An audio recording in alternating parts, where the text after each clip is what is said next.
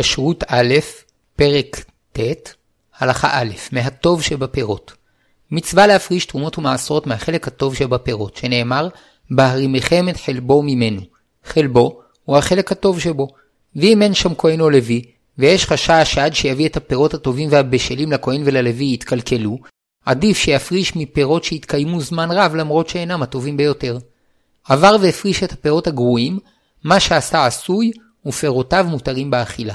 כיום, שכולנו נחשבים טמאים, ואין הכהנים יכולים לאכול את התרומות, כל הפירות נחשבים גרועים לגמרי לגבי תרומות, ולכן מותר לכתחילה להפריש תרומות מהפירות הגרועים.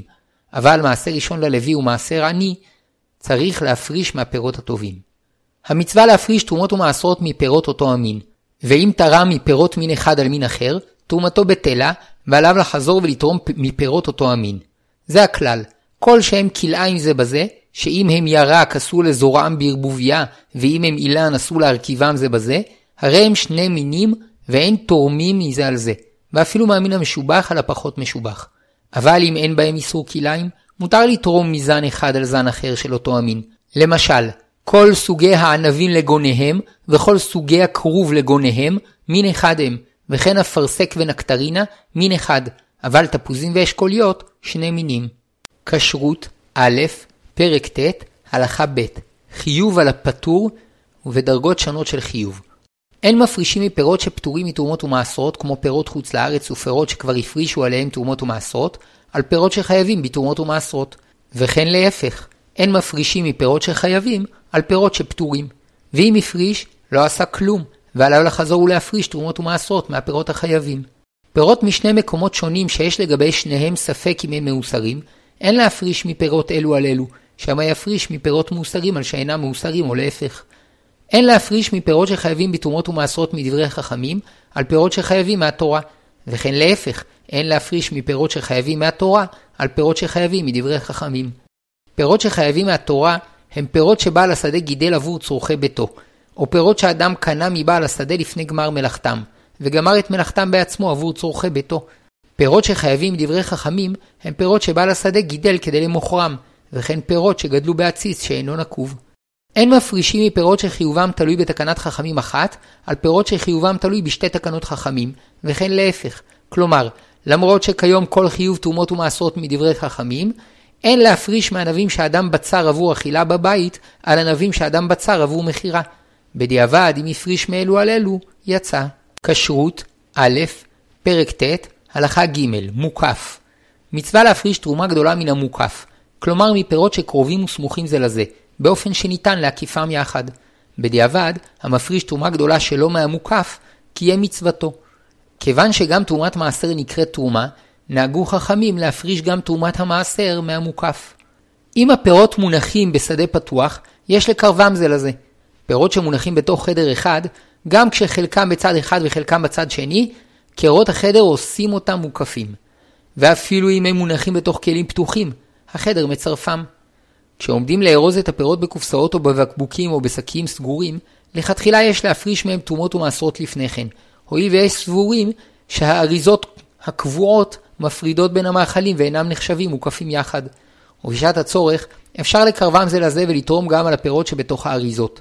אמנם חביות או בקבוקי יין, שהיין שבהם ממשיך להתיישן ולהשתבח, כיוון שמקפידים שיישארו סגורים כדי שלא לפגום ביין, מה שבתוך כל חבית או בקבוק מופרד לעצמו, ואינו נחשב מוקף עם חברו, ולכן יש לתרום על היין לפני שסוגרים אותו בחביות או בבקבוקים. או שיתרמו מכל חבית וחבית ומכל בקבוק ובקבוק לאחר פתיחתם. לצורך מצווה מותר להפריש שלא מהמוקף. למשל, מי שיודע שעומדים להביא לו בשבת או ביום טוב פירות תבל, רשאי להפריש מבעוד יום תרומות ומעשרות מפירות שברשותו על הפירות שעומדים להביא לו. וכן מי שנתן בטעות לחברו פירות תבל, ואין ביכולתו להודיע לו שיעשרם, יעשרם מפירות שברשותו, כדי להציל את חברו מאכילת תבל. כשרות, א', פרק ט', הלכה ד', כיצד מודדים ודין הטועה. בהפרשת מעשרות ותרומות מעשר צריך להשתדל לדייק, שלא יפריש יותר ממעשר ולא יפריש פחות ממעשר. לשם כך צריך למדוד פירות שרגילים למדוד את נפחם, ולספור פירות שרגילים לספור, והטוב ביותר לחשב על פי משקל, שהוא המדויק ביותר. בדיעבד, כשאין אפשרות לשקול או למדוד או לספור את הפירות, יפריש את המעשרות בעומד, ואפילו אם יטעה הרבה, כל זמן שהתכוון להפריש כשיעור וטעה כדרך שאנשים לפעמים טועים, קיים מצוותו. אלא שלכתחילה הורו חכמים, אל תרבה לעשר עומדות. הנוהג המקובל כיום, שאין מפרישים בפועל פירות למעשרות, אלא רק קובעים שעשירית מהפירות שמונחים בצד דרום או צפון יהיו מעשר. באופן זה כמות הפירות שיועדו למעשר מדויקת. לאחר מכן נותנים את דמיהם ללוי או לעני, ואת פירות המעשר השני פודים על פרוטה. אולם את התרומות שהן קדושות צריך להפריש בפועל, ואחר כך עוטפים אותן כדי להניחן דרך כבוד בפח. לתרומות צריך להפריש יותר מ-1 חלקי 100 מהפירות, 1 חלקי 100 עבור תרומת מעשר, והחלק הנוסף על המאית לתרומה גדולה. אם הפריש לתרומות בדיוק 1 חלקי 100 או פחות, נמצא שלא הפריש תרומה גדולה, כי התרומה הגדולה היא החלק היותר מ-1 חלקי 100. מכיוון שלא עלתה על דעתו שלא יפריש תחילה תרומה גדולה, כל מה שעשה מבוטל, ועליו לחזור ולהפריש תרומות ומעשרות כסדר. הפרשת תרומות ומעשרות דינה כשאר נדרים והקדשות, שאם יתחרט עליהם, יכול לבקש מחכם שיחד עם עוד שני אנשים יתיר לו את ההפרשה על פי כללי התרת נדרים, ובכך הפירות יחזרו לטבלם. כשרות א', פרק ט', הלכה ה', דין התרומות בזמן הזה. כיום אין הכהנים רשאים לאכול תרומה טהורה, הואיל והכל נחשבים טמאים בטומאת מת, ואין בידינו אפשרות להיטהר מטומאה זו בלא הזעת מי אפר פרה אדומה. כאשר התרומה טהורה, אסור לשורפה או לאבדה, אלא יש להניחה עד שתתכלה מאליה או לגונזה בקבורה. כאשר התרומה טמאה, מצווה לשורפה כדי שלא יבואו לאכול ממנה. אמנם, כיוון שקשה לשרוף אותה, ולעיתים היא טהורה ואסור לשורפה, ולא תמיד האדם יודע אם היא טהורה, לפיכך נוהגים לעטוף את התרומה ולהניחה בפח, בין אם היא טמאה ובין אם היא טהורה, שבאופן זה אין חשש שיבואו לאכול ממנה, וגם אין מבזים אותה, הואיל ומניחים אותה עטופה.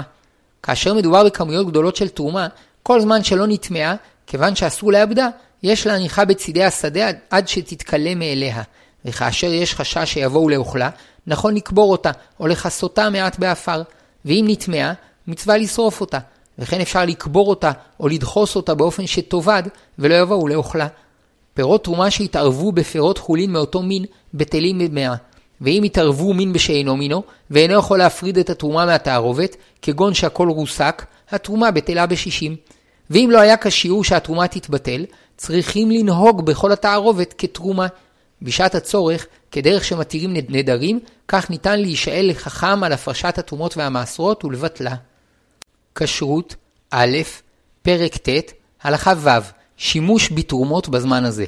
כפי שלמדנו, אף שאסור לכהן לאכול תרומה טמאה, רצוי שיהנה ממנה בדרך שרפה, שאם התרומה פירות, יסיק בהם את התנור, ועם שמן, ידליק בו את הנר.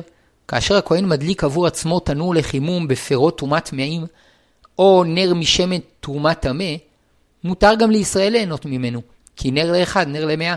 ואף אם הכהן יצא אחר כך לדרכו, מותר לישראל להמשיך ליהנות מהנר או מהתנור שהכהן הדליק.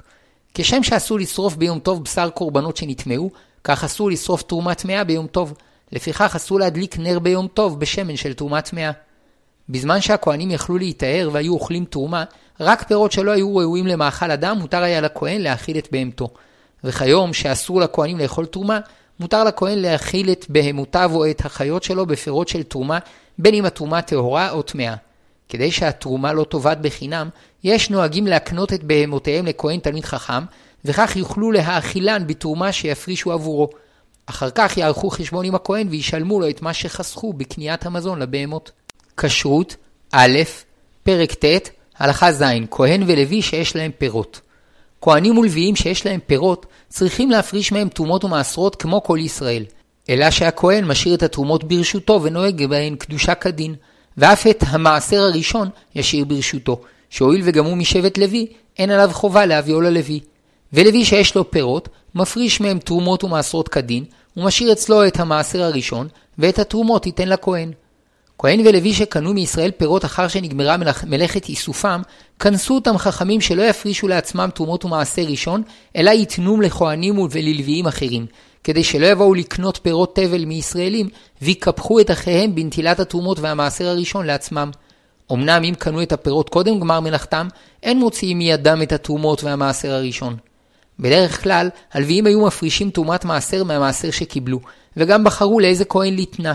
אבל אם רצה ישראל, מותר לו להפריש מהמעשר הראשון שהפריש ללוי תרומת מעשר, וליתנה לכהן יחד עם התרומה הגדולה. למרות שהוא נוטל בכך מהלוי את הזכות לבחור לאיזה כהן לתת את תרומת המעשר, מהמעשר שלו. כיום, כדי למנוע מכשול ושכחה, עדיף שהישראל שמפריש את המעשר, יפריש מיד גם את תרומת המעשר, ויניח בפח את התרומות כשהן עטופות דרך כבוד. כשרות א', פרק ט', הלכה ח', מעשר ראשון בזמן הזה.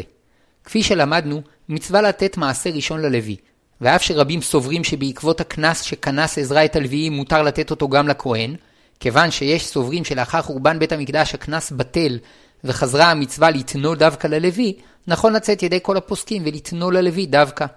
ויש טוענים שאין כיום מצווה לתת את המעשר הראשון ללוי, ואף שחובה להפריש אותו על ידי קביעת מקום, שיהיה בצד צפון של הפירות וכדומה, בפועל אין צריך לתנו, משום שלטענתם, בעקבות טלטולי הגלויות, אבדה חזקת הייחוס, ואין אדם שיכול להוכיח שהוא בן לשבט לוי, וממילא אין חובה לתת לו את המעשר. ויש טוענים שכל זמן שלא בודקים בבית הדין את חזקת היוחסין, אין לסמוך על דבריו של אדם לעניין קבלת מתנות, כדי שלא יתרבו הרמאים שיטענו שהם לוויים כדי לקבל את המעשר. ויש נוהגים להקל על פי סברות אלה. אולם לדעת רובם המכריע של הפוסקים, צריך לתת מעשר ראשון ללוי, מפני שאנו סומכים על המסורת. וכשם שאנו סומכים על המסורת לגבי כהנים ונותנים להם את כסף פדיון הבכורות והם עולים לדוכן לברך ברכת כהנים, כך יש לסמוך על חזקת הלוויים. וכיוון שממילא אדם צריך להפריש מעשר כספים, ייתן את המעשר הראשון לתלמיד חכם לוי, ויחשיב זאת כחלק ממעשר כספים. כשרות א', פרק ט', הלכה ט', מעשר העני. בשנים א', ב', ד', ה' לשמיטה, מפרישים מעשר שני, ובשנים ג' ו', מעשר עני. כיוון שדיני מעשר ראשון ומעשר עני שווים, שהם חולין וניתנים בזמן הזה כבעבר, נעסוק תחילה בדיני מעשר עני, ונשלים את ההלכות הנוגעות לשני המעשרות הללו. גם אני חייב להפריש מפירותיו מעשר עני, ושלא כמו כהן ולוי שמפרישים תרומות ומעשר ראשון ומשאירים אותו אצלם, העני חייב לתת את מעשר העני לעני אחר. גם אני שקנה פירות תבל, חייב לתת את מעשר העני לעני אחר. היה אחיו או בנו עני, כל זמן שאינו מפריש בשדה, רשאי ליתן לו את כולו. וכיוון שכך, עדיף שייתן את מעשר העני לקרוביו, שכן במצוות הצדקה צריך אדם להקדים את קרוביו. עני שזכאי לקבל מעשר עני, הוא מי שאינו יכול להשיג את צרכיו הבסיסיים לפי המקובל באותו זמן ומקום. נראה שבמדינה שמעניקה תקציבי רווחה לקשישים ונזקקים, עניים הם הנמצאים בסביבות העשירון התחתון של החברה שבה הם חיים. ובמדינה שאינה מעניקה תקציבי רווחה, אחוז העניים יכול להגיע לחמישית מכלל הציבור. אבל לא מסתבר שיותר מעשירית או חמישית מכלל הציבור יחשבו עניים, אלא אם כן מדובר בשנות רעב. ניתן לתת פירות מעשר עני או את שוויים הכספי לגבי צדקה עבור צורכי עניים. כמו כן, ניתן לתת מעשר עני לישיבה שמחזיקה בחורים ואברכים שחיים בצניעות ואין להוריהם כסף להחזיקם.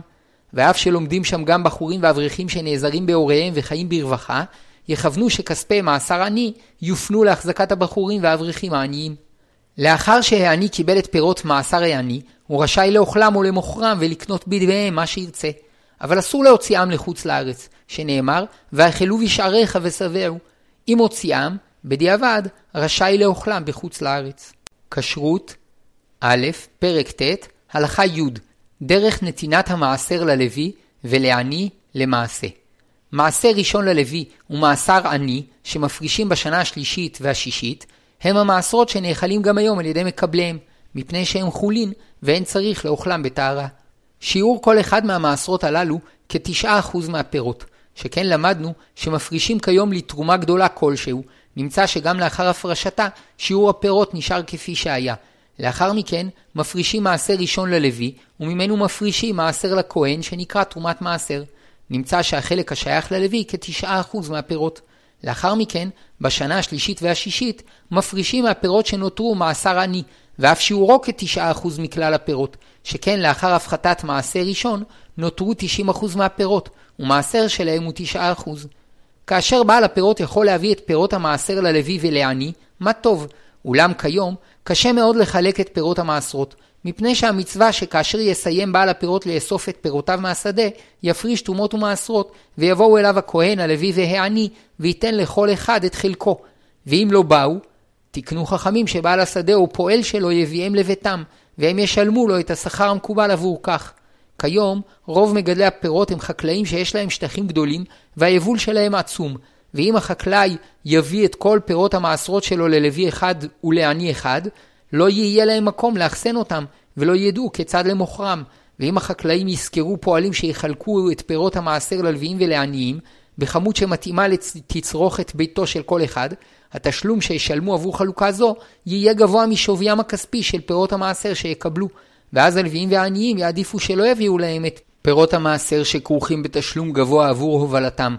כדי לקיים את המצווה באופן מועיל כפי מגמתה, על בעלי הפירות להפריש את המעשרות ללוי ולעני, ולאחר מכן יקנו מהם את הפירות בכסף, ואת הכסף ייתנו להם.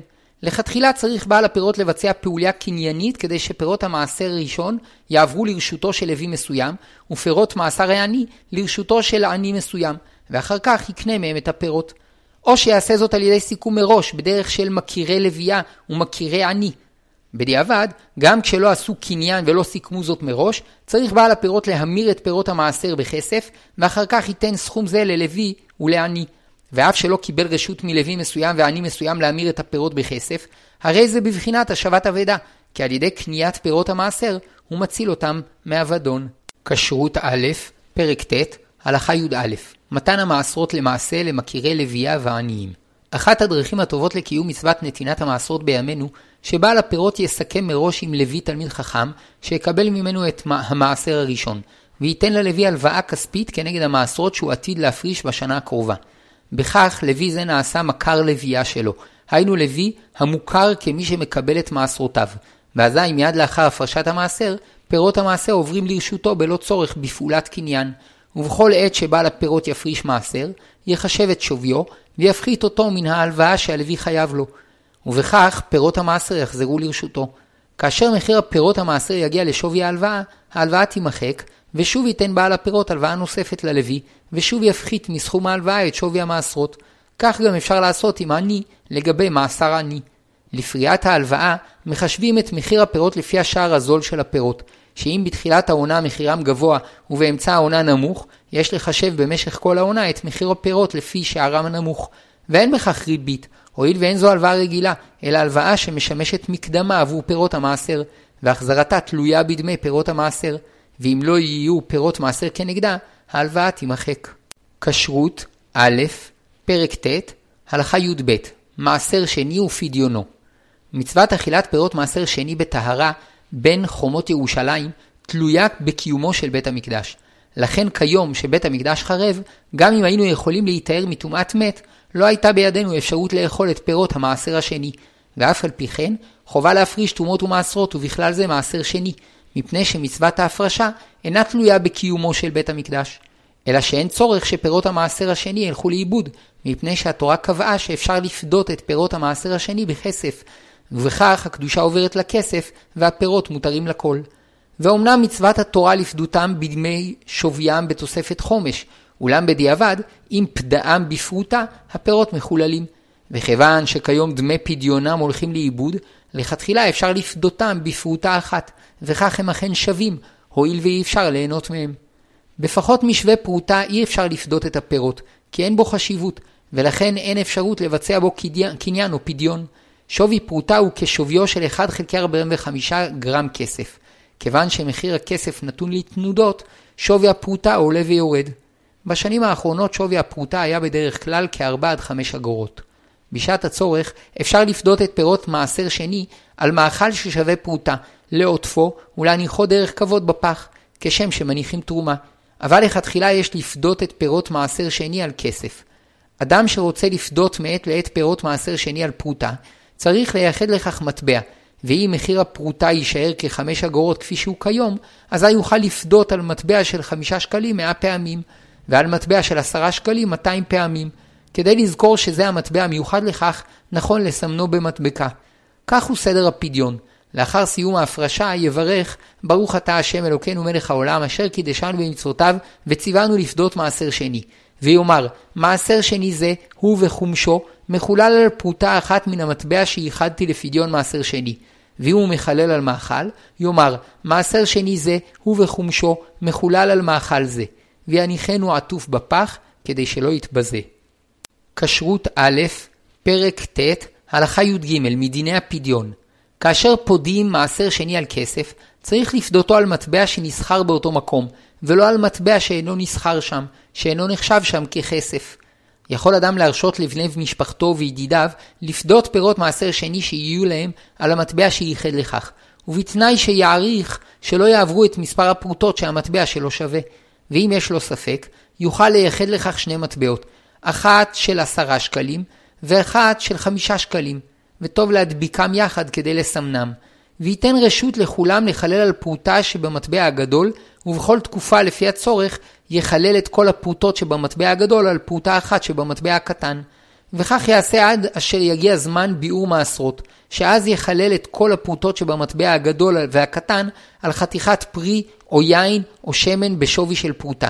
אחר כך יוכל לחזור ולהשתמש במטבעות הללו לשנים הבאות. אם פדה את הפרוטות על חתיכת פרי או אוכל, יניח אותה עטופה דרך כבוד בפח. ואם פדה על יין או שמן, ישפכם בכיור, אבל לא באסלה. כאשר אדם פודה פירות מעשר שני שלו על מטבע של חברו, אינו מוסיף חומש, אלא יאמר, מעשר שני זה יהיה מחולל על פרוטה במטבע שפלוני ייחד לפדיון מעשר שני.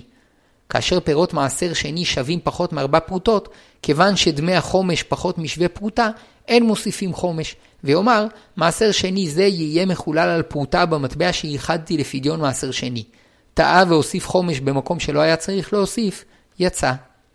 כשרות א', פרק ט', הלכה י"ד אין פודים כשהשווי פחות מפרוטה ובירושלים. אם שוויו של המעשר השני פחות מפרוטה, אין אפשרות לפדותו, מפני שכל שהוא שווה פחות מפרוטה, אין בו חשיבות כדי שאפשר יהיה לבצע בו פעולה של קניין או פדיון. וכיוון שאי אפשר לפדותו, וגם אסור לאוכלו, או לאבדו, או לבזותו, יש לעוטפו ולהניחו בפח, כשם שנוהגים בתרומות. והרוצה להקל, יכול להחליט בדעתו שמבחינתו הוא שווה פרוטה ולפדותו על פרוטה. אבל הרעיון של פרוטה חמורה דחוק, ואין בו תועלת, ולכן אין להשתמש בו, כמבואר בהערה. אין פודים פירות מעשר שני טהורים בירושלים, היינו בין החומות הקדומות של ירושלים המקודשת, ובכלל זה גם בעיר דוד ובהר ציון שהיו בתוך החומות. מפני שכל מה שהתירה התורה לפדות פירות על כסף, הוא כדי להעלותו לירושלים, שנאמר, וכי ירבה ממחאת דרך כי לא תאכל שאתו, ונתת בכסף, וצרת הכסף בידיך, והלכת אל המקום אשר יבחר השם אלוקיך בו. מכאן שאם הפירות כבר בירושלים, אסור לפדותם, ואם פדאם, הפדיון בטל. אלא יניח את פירות המעשר השני שהפריש בירושלים במקום מוצנע עד שירקבו, ואם הם מועטים, יעטפם ויניחם בפח, כדרך שנוהגים בתרומות.